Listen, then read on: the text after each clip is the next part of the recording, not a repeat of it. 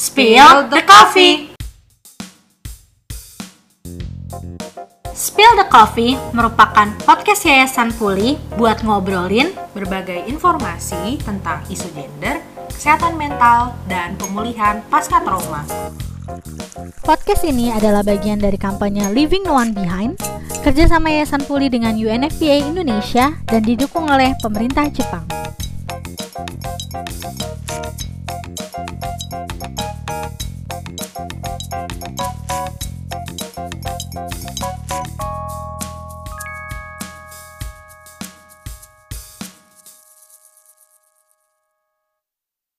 Semuanya, selamat siang. Sekarang lagi kita ngeteknya pas lagi puasa banget nih. Semoga kita nggak sambil ngantuk-ngantuk gitu ya. Nah kali ini Uci dan Ansi kita kali ini akan membahas apa sih Ci? Hari ini kita di Spill the Coffee akan bahas tentang Peran laki-laki dalam pencegahan dan penanganan kekerasan berbasis gender. Tapi kalau kita bahasnya berdua doang nih, Sa. Ngomonginnya peran laki-laki kan agak-agak Perspektifnya kurang dapet mungkin Nah, kalau dari benar. kita berdua. uh, uh, secara ya kita kan perempuan gitu. Jadi kayak kita tuh lebih enak kalau ngobrolnya sama teman kita yang laki-laki gitu. Biar ada perspektif yang lebih baik. tuh. Benar banget. Nah, hari ini kita bareng ditemenin sama Kakak Matthew. Hai. Halo Kakak Matthew. Kita jangan mau nanya dulu. Kayak aku juga sebenarnya kita tahu Kak Matthew Matthew aja nih, pernah dengar Yes. namanya, kayaknya nggak asing gitu namanya. Tapi kita belum pernah kenalan. lebih dekat, Iya, lebih dalam. belum in touch banget gitu. Boleh Kakak Matthew memperkenalkan diri biar kita dan teman-teman lain juga tahu nih siapa sih Kakak Matthew Matthew itu. Oke deh, terima kasih Kak. Aku Matthew, Matthew Girsang. Aku sekarang kerja di Jakarta Feminis sebagai partnership officer. Kemudian kegiatan aku sehari-hari aku bekerja aja sebenarnya karena aku kerja full time juga di dua tempat sama ada pekerjaan sampingan lainnya. Terus paling jalan-jalan aja sih kalau lagi bosan. Jadi ya kayak gitu deh, kita menghibur diri di tengah Hmm. kepadatan pekerjaan asik. Oke deh. Nah, tadi kan Kak Matthew udah kenalan nih ya. Hmm, Kak Matthew ternyata kerja di Jakfem. Iya kan? Jakfem ya Kak Ya, ya? Iya, Jakarta Feminis. Nah, kita mau bahas-bahas terkait peran laki-laki nih ya dalam isu kekerasan berbasis gender gitu. Nah, kira-kira nih ya Kak, kalau aku sama Uci, mungkin kita sering, mungkin Kak Matthew juga sering lihat kali ya Kak, kalau ada kasus kekerasan gitu, pasti pelakunya laki-laki. Ya nggak sih? KDRT, suami, ini, ini, ini. Terus Hmm. kemarin ada yang baru-baru anaknya yang diikat itu. Oh iya, itu bapaknya, bapak tiri Ya, gitu kan. Ya kan. Nah, itu tuh sebenarnya nih ya Kak, apakah emang laki-laki tuh berperannya hanya jadi pelaku? Coba menurut Kak Messi gimana? Oke, jadi memang kalau dibilang sebenarnya apakah laki-laki hanya berperan sebagai pelaku, sebenarnya tidak karena ada juga korban kekerasan itu korbannya adalah laki-laki. Hmm. Tapi memang mayoritas pelakunya itu adalah laki-laki biasanya. Jadi setiap ada tindakan kekerasan seksual, kekerasan gender, pelecehan, walaupun ada juga korban laki-lakinya, tapi memang pelakunya mayoritas adalah laki-lakinya. Kayak gitu sih Kak Uci dan Kak Aci. Oh, oke. oke.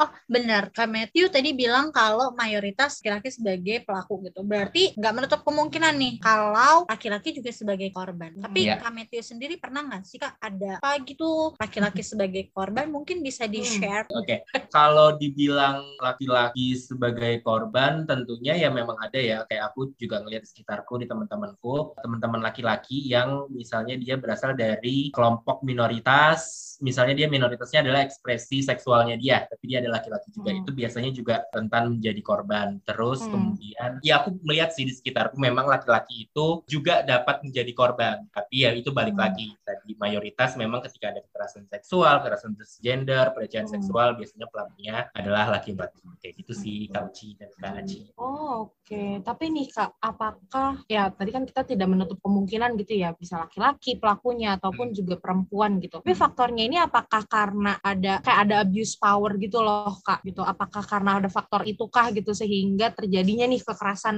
berbasis gender atau karena itu Oke. atau gimana tuh, Kak? Ya, bisa jadi. Jadi kan sebenarnya kalau abuse power itu adalah ketika seseorang yang memiliki kekuasaan atau dia memiliki power, kemudian dia Hmm. menyalahgunakan kekuasaan yang dia miliki itu untuk misalnya mendapatkan apa yang dia inginkan, kayak melalui cara kayak misalnya mengintimidasi, menekan, atau bahkan melakukan tindakan melakukan tindakan kekerasan lain demi mencapai keinginan dia atau misalnya tujuan Hmm. dia atau puasannya dia. Nah, karena balik lagi tadi abuse power berarti kan itu dilakukan oleh orang yang memiliki kekuasaan kan. Hmm. Nah, kalau di lingkungan sosial kita sendiri itu memang laki-laki adalah gender mayoritas kayak gitu. Di- Jadi akhirnya di mana memang teman-teman laki-laki ini memiliki karena tadi dia gender mayoritas ya, akhirnya dia Hmm. memiliki power yang lebih nih dibandingkan Hmm. gender-gender lainnya yang ada di lingkungan sosial masyarakat itu sendiri. Nah, akhirnya berangkat dari situ baru tadi muncullah karena dia merasa memiliki power yang lebih, akhirnya dia kayak bisa oh gue bisa menggunakan power gue ini sebagai kelompok mayoritas untuk melakukan sesuatu kepada teman-teman lain.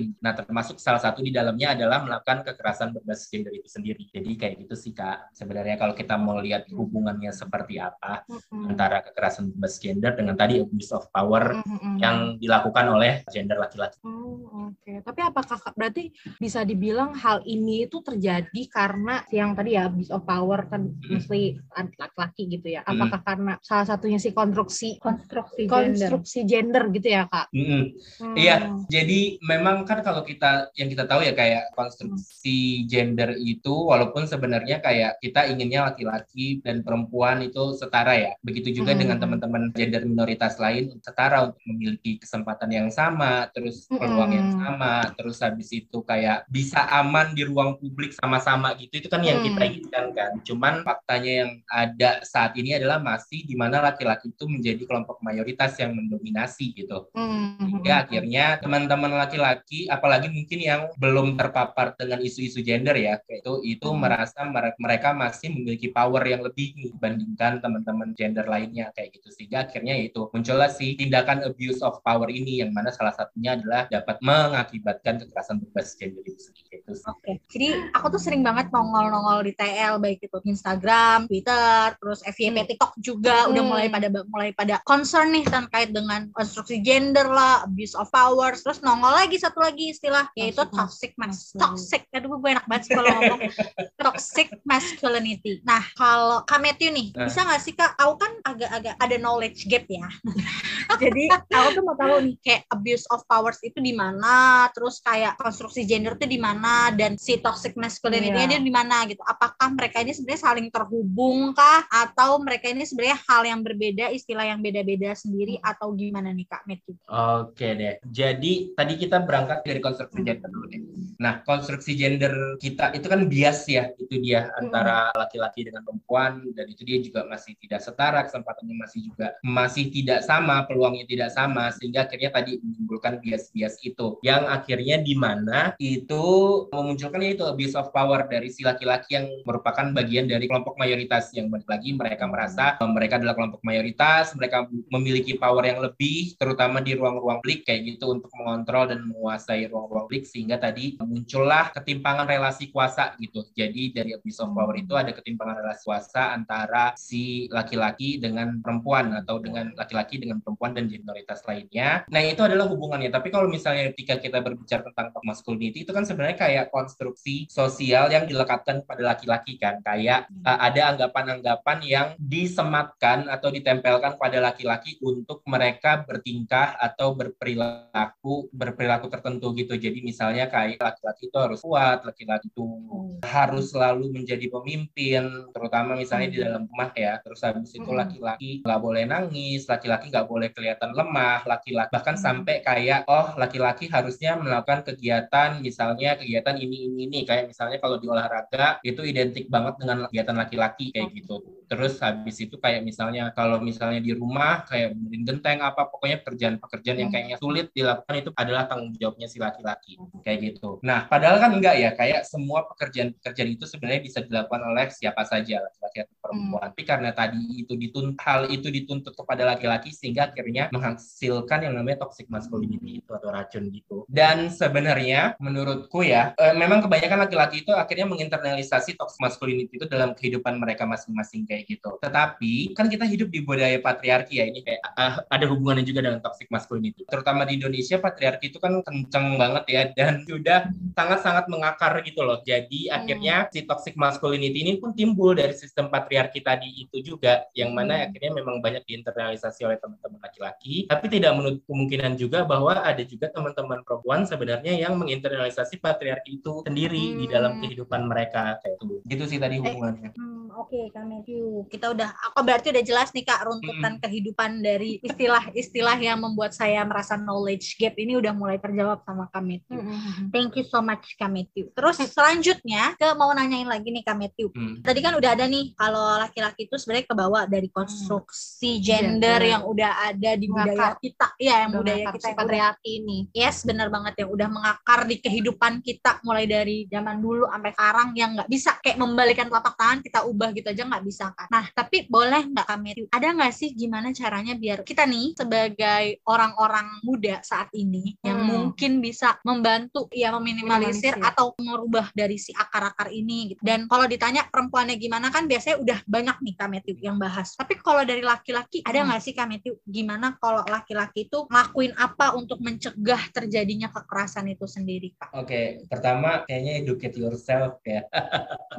Jadi, ya kayak ikan Pertama banget itu ya. banyak tuh ya educate yourself gitu kan kayak ajarin aja diri lo sendiri. Jadi kayak gini. Sebenarnya memang benar. Yang pertama adalah lo harus ini kepada teman laki-laki ya. Kamu harus Hmm. pelajari dulu nih kayak tahuin dulu sih gimana sih sebenarnya selama ini yang maksudnya kayak tadi timpangan gender yang terjadi kayak gimana, terus abuse of power yang sering dilakukan oleh laki-laki seperti apa, kemudian gimana sih sistem patriarki itu sangat-sangat merugikan akhirnya tidak hanya pada perempuan namun kepada laki-laki sendiri. Jadi memang ketahui dulu, pahami dulu isu-isunya itu kayak gitu. Kayak banyak yang bisa kamu lakukan ya. Kayak sekarang terutama lagi pandemi gini kan kebanyakan training, workshop, seminar itu kan dilakukan secara online ya yang akhirnya tidak membatasi ruang kamu untuk bergerak gitu. Kamu bisa ikutin itu di mana aja kayak gitu dan Mm-mm. banyak banget sekarang kayaknya organisasi-organisasi yang melakukan tadi pelatihan, seminar, workshop tentang isu-isu gender tersebut. Jadi aku himbau teman-teman laki-laki ya ikut-ikut gitu biar akhirnya mungkin yang sebelumnya belum terpapar nih dengan isu-isu tersebut, isu-isu gender tersebut akhirnya menjadi terpapar. Terus yang sudah terpapar akhirnya jadi lebih paham lagi kayak gitu kan. Sehingga akhirnya ketika pemahaman knowledge-nya itu sudah terbangun, akhirnya kalau menurut aku kesadaran itu akan terbangun juga sih sebenarnya Hmm. kayak gitu. Kemudian yang kedua, ini tuh kayak budaya, tapi gimana ya? Aku bilangnya bisa budaya atau enggak ya? Cuman sering banget kita menemukan faktanya ketika temennya yang laki-laki ngomong, itu akan lebih didengar dibandingkan misalnya temennya yang perempuan ngomong. Apalagi Hmm. ketika hal itu misalnya memberikan saran, memberikan masukan, Hmm. itu mereka akan lebih mendengar perspektif dari temennya yang laki-laki. Jadi itulah dia apa yang bisa teman-teman laki- laki-laki lakukan adalah menjadi sekutu bagi teman-teman perempuan gitu. Jadi sekutu dalam isu gender ini. Ketika kamu misalnya sudah paham nih apa aja sih permasalahannya sebenarnya kayak gimana sih supaya kita tidak akhirnya melakukan kekerasan, gimana sih supaya kita tidak melakukan bercandaan-bercandaan yang seksis kayak gitu. Hmm. Nah, itu kasih tahu ke temanmu yang lain gitu loh, kasih tahu ke temanmu yang laki-laki yang lain karena mereka akan lebih dengerin kamu kayak gitu karena memang budaya yang kita seperti itu. Kita sering banget nemuin tadi laki-laki lebih mendengarkan laki-laki lain yang berbicara kayak gitu. Jadi, pergunakan kesempatan itu juga untuk mengedukasi teman kamu, untuk memberitahukan teman kamu kayak gitu. Juga ketika misalnya kamu melihat bercandaan seksis nih dan kamu udah tahu nih kayak oh ini tuh gak boleh bercanda kayak gini ini udah termasuk seksis ini udah termasuk pelecehan ya kamu tegur kayak gitu. Hmm. kamu tegur teman kamu karena balik lagi mereka akan lebih mendengarkan kamu. Jadi kayak itu kesempatan yang sebenarnya bisa teman-teman laki-laki pergunakan nih untuk tadi misalnya mengedukasi teman-teman laki-laki yang lainnya atau misalnya mengurangi tingkat terjadinya tadi kekerasan seksual pelecehan seksual kayak gitu sih. Jadi dari educate yourself dulu setelah kamu teredukasi dengan baik akhirnya kamu bisa menjadi sekutu dan akhirnya ya udah kamu mengedukasi orang-orang di sekitar kamu laki-laki Orang sekitar. Iya sih, bener juga sih. Tapi aku jadi kayak pengen nanya karena ada muncul satu term lagi yang lain. Mm. Bercandaan seksis.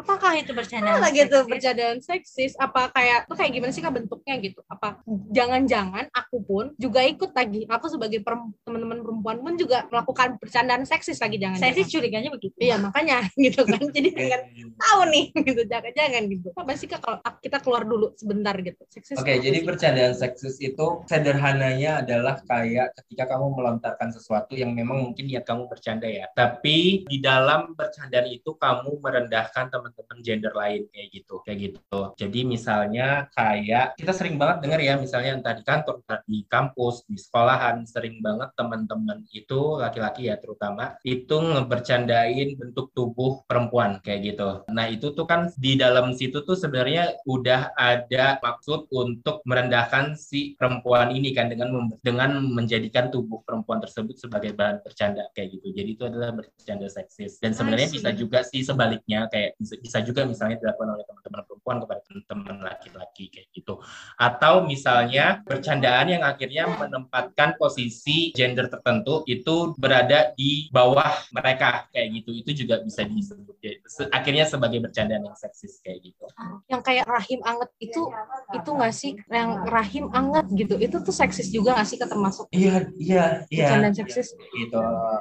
Dan emang sih permasalahannya akhirnya banyak yang nggak sadar ya karena itu kayak udah hmm. terbiasa gitu loh kayak udah hmm masyarakat yang kayak oh ya udah ini bercandaan yang memang sering kita dengar dari kecil kayak gitu. Dan akhirnya kita jadi terbiasa aja. Bahkan mungkin teman-teman yang dibercandain pun akhirnya jadi biasa aja gitu karena hmm. memang sering mendengar tersebut. Jadi akhirnya kayak oh ya udah ini hal yang biasa aja. Cuman yang kita tidak sadari adalah uh, jadi kalau misalnya teman-teman Jakfem itu ngisi pelatihan itu kan ada piramida tingkat kekerasan seksual ya dan hmm. yang di kekerasan seksual itu dari bawah ke atas atas itu paling parah bawah itu yang mulai hal-hal receh dan sepele itu sebenarnya dimulai dari bercandaan-bercandaan itu tadi kayak gitu akhirnya karena bercandaan itu dianggap hal yang lumrah di ya, lumrah. meningkat ke tingkat kekerasan-kekerasan lainnya hingga akhirnya yang paling parah itu adalah misalnya pemerkosaan ya itu akhirnya kalau misalnya dibiasakan jadinya akhirnya membuka kesempatan kekerasan itu untuk lebih parah lagi gitu loh. Jadi kenapa akhirnya kita tidak boleh? Bahkan dari tingkat bercandaan aja kita tidak boleh membiarkan hal itu terjadi kayak gitu. Hmm, sih lebih ngefilter sih sebenarnya ya.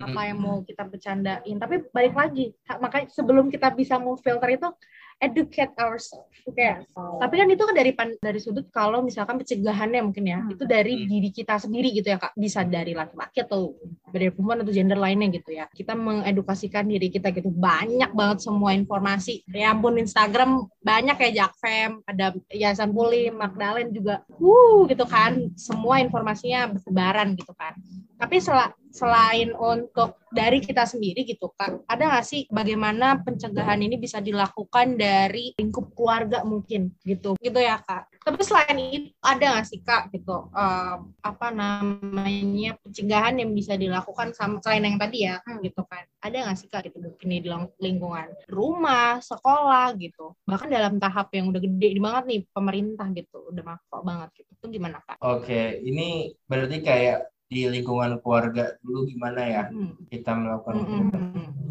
Okay. Nah, aku paham kalau misalnya di lingkungan keluarga itu adalah susah untuk merubah perspektif orang tua ya, kayak gitu. Hmm. Di mana orang tua tuh selalu merasa hmm. kayak mereka yang paling benar nih, mereka hidupnya udah lebih lama, jadi mereka yang lebih berpengalaman, lebih tahu segalanya kayak gitu. Padahal banyak juga hmm. didikan-didikan orang tua itu yang sebenarnya aku nggak bilang salah, cuman kayak sebenarnya merugikan si anak itu sendiri. Hmm. Gitu tapi balik lagi ya udah kayak kalau menurutku adalah ya udah itu internalisasi aja di dirimu sendiri kayak gitu. Kamu udah paham kayak gimana sih sebenarnya lingkungan domestik itu harus menjadi ruang aman misalnya buat ya udah buat dirimu sendiri atau orang lain juga kayak harus merasa aman di lingkungan domestiknya. Bagaimana supaya tidak ada tadi bias-bias gender itu di lingkungan domestik. Terutama yang paling kelihatan banget kalau domestik adalah pembagian tugas mengurus rumah ya. Itu kelihatan banget biasanya perbeda eh, biasnya kayak gitu Iya. Nah, ya udah mulai aja lakukan dari dirimu sendiri gitu loh apa yang kamu bisa lakukan misalnya ketika kamu ada laki-laki ya udah kalau kamu misalnya bisa nyapu bisa nyuci hmm. bisa apa yang mana misalnya notabene di sebagian keluarga itu adalah pekerjaan perempuan atau anak perempuan ya udah lakuin aja gitu kayak tunjukin aja dulu kepada orang-orang di rumah kamu di keluarga kamu kayak oh ini sebenarnya nggak hanya dilakukan oleh perempuan kok laki-laki hmm. juga ya nggak apa-apa melakukan ini kayak tidak ada akhir akhirnya beban tersendiri atau kayak oh ini kan pekerjaan perempuan ya kamu nggak boleh nyentuh kayak gitu. Ya nggak ada ya. Jadi ya lakukan aja dulu itu. Dengan menurutku dengan harapan akhirnya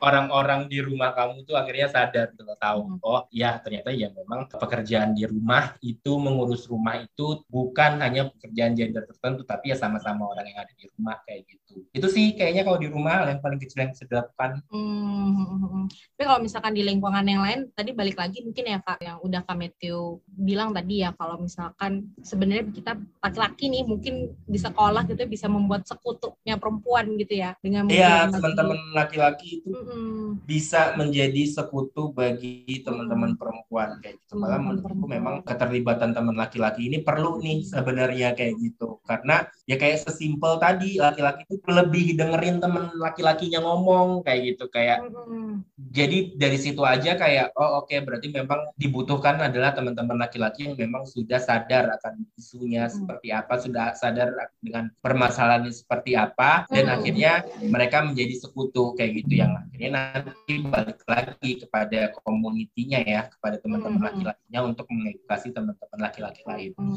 Tapi memang kalau kita ngomongin sekutu memang agak susah ya karena laki-laki egonya tinggi banget nih. Aku paham banget laki-laki egonya tinggi. Jadi karena laki-laki akhirnya dari mereka kecil tuh mereka sudah mendapatkan privilege yang lebih banyak daripada teman-teman perempuan. Nah, ketika kamu ingin menjadi sekutu yang baik sebenarnya adalah gimana sih kamu bisa menanggalkan privilege itu dan akhirnya menjadi sekutu gitu bagi teman-teman hmm. perempuan. Nah, itu adalah yang hal yang sulit sebenarnya kayak gitu dan akhirnya karena tadi sulit itu kita sering nemuin akhirnya memang teman-teman laki-laki misalnya yang sudah aware tentang tadi isu gender tentang isu kekerasan seksual isu kekerasan berbasis gender dan sebagainya dan memang mereka juga sudah menganggap diri mereka sekutu tapi akhirnya malah karena mereka belum bisa menanggalkan privilege mereka secara hmm. total, secara utuh, itu akhirnya mereka jatuhnya jadi mansplaining gitu loh. Jadi kayak mereka akhirnya berusaha menjelaskan permasalahan yang dihadapi oleh teman-teman perempuan, tapi tidak berdasarkan pengalaman perempuan, tapi berdasarkan pemikiran mereka yang seharusnya kayak gimana sih teman-teman perempuan hmm. menghadapi permasalahan isu-isu gender dan isu-isu kekerasan seksual tadi gitu loh. Yang mana itu kan akhirnya jatuhnya mereka akhirnya mansplaining ya, karena mereka hmm. menjelaskan itu tidak berdasarkan berdasarkan pengalaman teman-teman hmm. perempuan, tapi berdasarkan pikiran mereka sendiri seperti apa yang mana itu harusnya sebenarnya harus dihindari kayak gitu. Atau bahkan mungkin yang lebih parah akhirnya malah mereka tidak memberikan kesempatan kepada teman-teman perempuan atau gender minoritas lainnya yang memang sering menjadi korban dari kekerasan berbasis gender untuk berbicara sendiri karena mereka merasa oh aku juga bisa kok ngomongin ini karena aku adalah sekutunya teman-teman perempuan kayak gitu. Nah itu hmm. hal yang menurutku agak sulit dan masih terjadi nih masalahnya ketika laki-laki itu menjadi sekutu sekutu dari teman-teman hmm. perempuan gitu. Oh, Oke. Okay. Kompleks banget ya kak. Iya. aku dengarnya kayak, aduh. Pusing gak sih? kayak aku ngelihat, aku kayak, ya ngejelasinnya pusing, terus ngelihat mukanya Kak Uci juga pusing gitu kayak. Iya, kayak tuh gitu kan. Kayak sebenarnya tuh kita juga udah pernah ngebahas ini kak, yang pernah laki uh. di IG live-nya pulih kayak gitu. Uh -huh. Tapi emang kayak, kayaknya masih kurang, kayaknya masih kayak ada ya balik lagi ya saya ya. mohon maaf kita kan mau bahas ini adalah ini kan budaya nih jadi otomatis akan lebih susah dan kayaknya kalau kita mau bahas pencegahannya balik lagi. Perlu ada perlu, ya. semuanya itu mesti saling terlibat. Iya nggak bisa sendiri-sendiri. Iya. Tapi kalau kan kita ngomonginnya laki-laki nih kami itu. Uh. Kalau aku sih merasa kita sebagai perempuan dan ketika korbannya perempuan juga gitu loh, kita bisa merasa kayak oke okay, gitu loh. Dan per, di korbannya juga merasa ada perasaan kayak oh ya udah mbak sama-sama perempuan gitu. Sometimes hmm. aku ketika ada beberapa klien yang datang gitu terus aku memberikan DPA, kliennya juga merasa kayak gitu. Ada yang beberapa kali berucap seperti itu. Nah kalau dari Kametiu sebagai laki-laki, ada nggak sih kak hambatan kesulitan atau tantangan atau ada pengalaman pribadi mungkin ketika menghadapi menangani kara, korban kasus kekerasan mungkin Kametiu gimana ada hambatannya atau tantangannya dari Kametiu sendiri ya sebagai laki-laki gitu ketika mungkin kalau di Jak Jakfem tuh mungkin lebih kayak lihat isu-isu berita gimana nggak advokatnya itu gitu kan ya kak nah itu ada tantangannya nggak sih kak? Oke, okay. tantangannya sebenarnya tant ya tantangannya banyak terlepas dari aku sebagai laki-laki gitu ya atau perspektif laki-laki. Cuman akhirnya bukan tantangan keuntungannya adalah ketika misalnya aku melihat ada kejadian kejadian-kejadian kekerasan berbasis gender atau permasalahan-permasalahan lain yang di dalamnya itu sudah mengandung. Tadi ada permasalahan isu gender dalam itu adalah aku jadi sebagai laki-laki keuntungannya adalah aku jadi lebih paham kayak oh permasalahan ini terjadi karena apa? Kayak gitu dilihatnya kayak dari situ kayak apa? Dan akhirnya aku bisa beritahu ke teman-teman aku yang lain. Maksudnya bukan teman-teman di Jakfem ya kayak gitu. Cuman ke teman-teman di sekitar aku di lingkungan sekitar aku yang memang mereka belum terpapar atau teredukasi dengan baik gitu tentang isu-isu gender dan isu kekerasan berbasis gender ini kayak gitu. Nah kalau tantangannya sebenarnya yang dihadapi adalah sama ya kayak sama semua teman-teman yang memang merupakan pegiat di isu ini kayak kayak kita nggak usah ngomongin kayak gimana sih cara kita bisa merubah sistem yang ada tapi kayak sesimpel merubah perspektif teman-teman untuk melihat suatu isu supaya tidak biasa gitu masih susah banget kayak gitu loh. Jadi kayak misalnya contoh kasusnya adalah kalau nggak salah baru-baru ini ada ibu yang membunuh anaknya karena takut anaknya hidup susah atau nggak bisa makan. Iya, iya. Ya takut kan? anaknya hidupnya susah. Hmm. Jadi biar sekalian ke surga aja. Nah, kayak kebanyakan mungkin teman laki-laki akhirnya menganggap kayak oh ini kegagalan si ibu dalam menjalankan perannya dia sebagai ibu untuk mengasuh anak kayak gitu ya. Padahal tadi balik lagi mengasuh anak itu adalah tugas dan tanggung jawab oleh kedua orang tua gitu. Tapi ketika teman-teman perempuan atau teman-teman yang memang akhirnya sudah tersadar, eh bukan tersadar kan sudah tahu nih tentang tadi permasalahan isu gender, kekerasan dan sebagainya, itu tahu oh kita harus lihat dulu nih apa sih sebenarnya alasan di balik ibu itu membunuh anaknya kayak gitu. Ternyata kan menjadi ibu tuh aja udah berat ya kayak gitu tanggung jawab yang diberikan oleh masyarakat kepada seorang ibu untuk dapat mendidik anak, membesarkan anak, keberhasilan anak tuh baik atau dia jadi gimana itu pasti kayak ini didikan ibunya kayak gimana sih kayak gitu-gitu kan. Jadi memang beban seorang ibu tuh udah berat banget nih masyarakat menaruh beban yang berat banget di seorang ibu kayak gitu. Nah kita harus lihat dulu kan kayak dari situ si ibu ini ketika misalnya dia membunuh ketika dia membunuh anaknya apa sih sebenarnya permasalahan yang sedang dia hadapi kayak gitu yang akhirnya membuat dia memutuskan untuk melakukan hal tersebut. Nah itu kayak dari situ aja kita udah ngeliat kayak dua sisi yang berbeda gitu Iya. kan dalam melihat suatu kasus kayak gitu. Nah ketika aku sebagai laki-laki yang me- me- memang mungkin sudah sedikit lebih baik dibanding teman-teman laki-laki yang lainnya ya tentang pengetahuan tentang isu gender itu juga akhirnya kayak bisa memahami oh ternyata ini nggak sekedar masalah kegagalan si ibu menjadi ibu kayak gitu. Tapi banyak hal lain di belakang yang akhirnya membuat hal itu terjadi. Nah itu sih yang bisa aku bagikan ke teman-temanku. Nah, misalnya sesimpel kayak teman-temanku banyak ya ketika kasus itu terjadi banyak banget yang nge-share itu di instastory atau di media sosial mereka masing-masing. Kayak dan aku bisa ya bisa aja replay apa segala terus kayak mencoba menjelaskan pada mereka gitu sih sebenarnya. Oke, mungkin udah ya dulu. Oke, udah. Aku ngelihatnya jadinya aku bisa menyimpulkan gitu ya kalau dari yang hari ini. Podcastnya kita ini adalah sebenarnya peran laki-laki dalam pencegahan dan penanganan dalam si isu KBG ini tuh banget loh ada loh. Sebenarnya seharusnya ada ikut serta dalam hal kedua hal tersebut gitu. Walaupun memang hambatannya itu tadi gitu bukan sebenarnya bukan cuma laki-laki aja. Perempuan pun juga sebenarnya iya gitu. Ada tantangannya di mana ini udah bukan budaya lagi tapi udah mengakar nih gitu kan. Jadi kayak memang caranya gimana sih untuk laki-laki untuk berperan dalam Mencegah. mencegah dan juga menangani isu KBG ya salah satunya adalah tahu dulu deh gitu informasi sebanyak mungkin di sosial media udah banyak banget kan ya terkait isu kekerasan berbasis gender. Jangan lupa juga mengenai peran apa hal domestik kayak gitu kan. Dan melakukannya juga menerapkannya juga. Jangan cuma tahu aja nih ya kayak Kak Matthew. Tahu-tahu aja tapi kayak nggak diaplikasikan dilakukan. gitu nggak dilakukan kayak gitu kan sesimpel dengan tadi gitu kan hal domestik di mana mengerjakan Pekerjaan rumah. pekerjaan rumah gitu karena basicnya bukan perempuan aja gitu ya untuk mengerjakan nyuci piring rapi-rapi kamar gitu kan padahal laki-laki pun juga ya itu basic skill ya apa sih namanya life ya, skill yang Life basic life skill. Nah, itu Iya. yes yes Mm-mm, itu bener banget. Jadi kayak lebih pertama sih intinya adalah kita sendiri dulu. Kita sebagai laki-laki, sebagai perempuan harus tahu dan paham apa sih kekerasan berbasis gender itu Hmm. sendiri. Dan kita bisa Hmm. di mana sih untuk membantu para korban, Mm-mm. penyintas atau apa pun itu Mm. dalam berjuang untuk hidupnya lagi. Terus kita juga bisa tahu nih pelan-pelan untuk gimana sih cara mencegahnya. Mungkin kita membantu diri kita, habis itu baru kita bantu circle terdekat kita, Hmm. teman kita, keluarga, baru deh yang lebih luas lagi kayak gimana.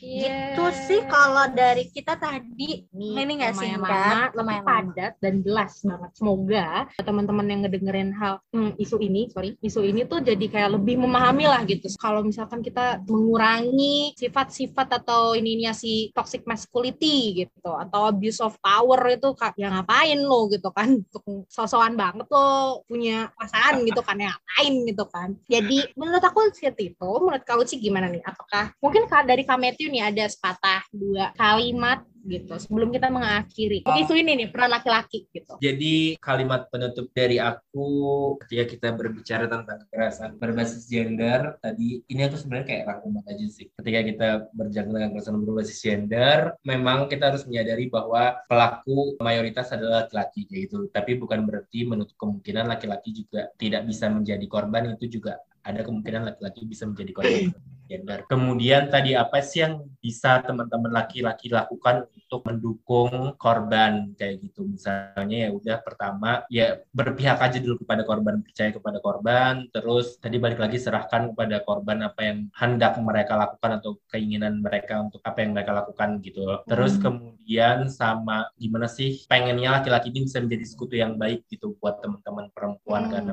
ya memang peran laki-laki itu dibutuhkan gitu untuk menjadi sekutu Hmm. bagi teman-teman perempuan adalah yaitu sadar dulu akan privilege yang kamu punya kayak gitu dan berusaha tanggalkan privilege itu kayak gitu supaya akhirnya pemikiran kamu, tindakan kamu itu tidak bias eh, terutama itu ya. Kemudian habis itu ya tadi balik lagi educate yourself. Aku suka banget kata-kata educate Yes, yourself. educate ya. Kayak kayak gitu banget gitu. educate yourself and stay focused gitu. Dua kalimat kesukaan aku. Jadi educate yourself kayak sekarang banyak banget sumber yang bisa kamu dapatkan untuk kamu memahami sebenarnya isu-isu gender, isu-isu kekerasan berbasis gender dan itu hal yang penting banget buat jadi dasar bagi kamu untuk akhirnya bisa menjadi allies atau sekutu bagi teman-teman perempuan. Kemudian yang kedua menurut yang selanjutnya adalah menurutku penting banget buat kamu berkomunitas ya kayak gitu. Jadi ketika kamu sudah di, teredukasi, akhirnya gimana sih kamu mengimplementasikan itu? Gimana sih kamu supaya tidak bias dalam pengimplementasinya? Itu adalah dengan caranya berkomunitas. Karena ketika kamu berkomunitas, eh, ketika kamu salah melakukan sesuatu atau keliru melakukan sesuatu atau dalam pikir itu akan ada teman-teman kamu yang akhirnya menegur kamu kayak gitu. Dan itu penting banget akhirnya untuk dilakukan oleh teman laki-laki. Dan yang terakhir adalah ya udah kamu rangkullah teman-teman laki-lakimu yang lain untuk juga bisa sadar paham tentang isu kekerasan berbasis gender tentang isu gender ini sehingga ya udah akhirnya kamu menjalankan tugas kamu sebagai sekutu yang baik. Itu. Oke, Itu udah ideal banget. Ya ampun. itu udah lebih dari itu udah lebih dari dua kalimat ya kan? Iya, eh, eh, itu udah lebih dari dua kalimat sebenarnya. Nggak apa-apa deh, dimaafin ya. apa-apa buat kamu Oke, oke. So, tadi aku paling suka sih. Tadi Kak Matthew bilang itu adalah dua kalimat favorit Kak Matthew. Mungkin itu adalah dua kalimat pamungkas dari tema podcast kita hari ini, yaitu educate yourself and stay focused. Educate yourself itu artinya lo harus belajar lebih dalam lagi, tahu isu-isu ini, tahu dan Hmm. paham, terus stay fokus. Kalau lo mau jadi Praktekkan. online, kalau lo mau jadi Praktekkan. sekutu yang baik, lo harus fokus untuk menjadi sekutu yang baik. Iya, praktekan praktekan Iya. Yes, benar. Oke deh kalau kayak gitu terima kasih Kak Matthew sudah mau bincang-bincang bersama kita berdua Sekali lagi terima kasih semuanya, terima kasih udah dengerin bersama Uci aja Dan Matthew. di Spill the the Coffee. Coffee. sampai jumpa semua Thank you, Kak Bye-bye. Matthew. Terima kasih teman-teman pulih. Thank you